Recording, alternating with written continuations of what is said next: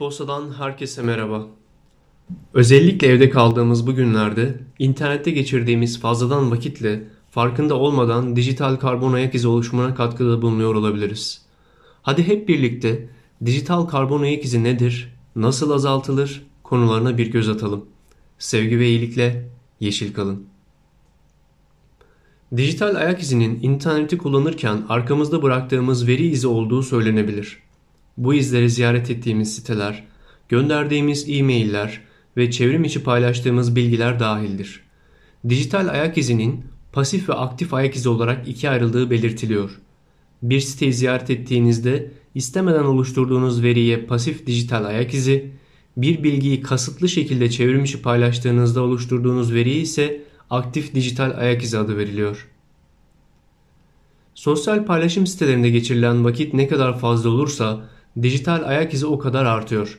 Atılan her bir tweet, Instagram üzerinden paylaşılan her bir gönderi veya her Google araması dijital ayak izinin oluşmasına katkı sağlıyor.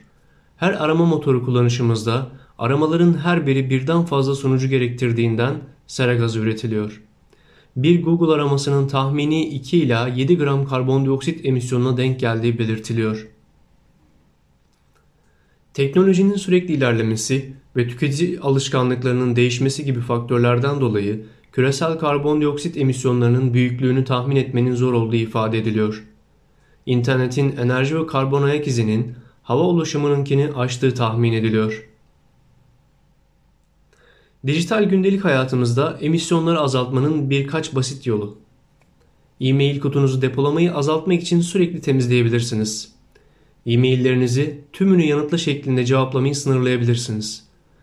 Bilgisayarlar uyku modunda olduğunda da enerji yakmaya devam ettiği için kullanmadığınızda bilgisayarınızı kapatabilirsiniz.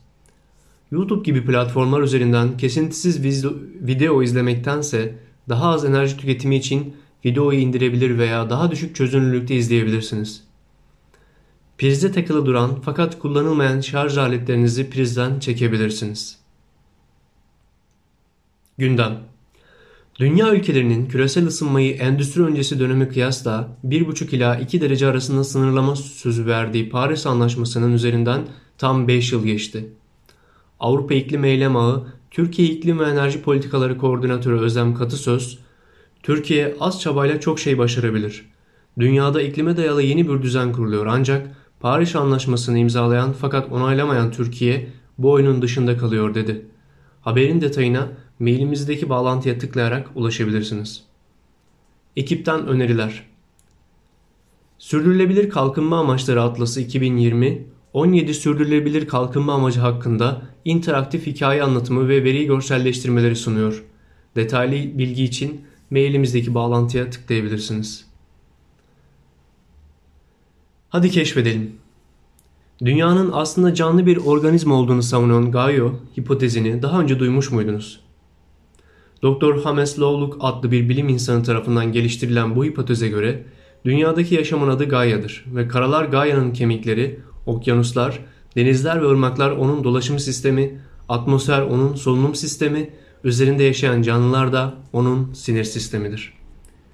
Sevgili Yeşil Posta takipçileri, sevgi ve iyilikle yeşil kalın.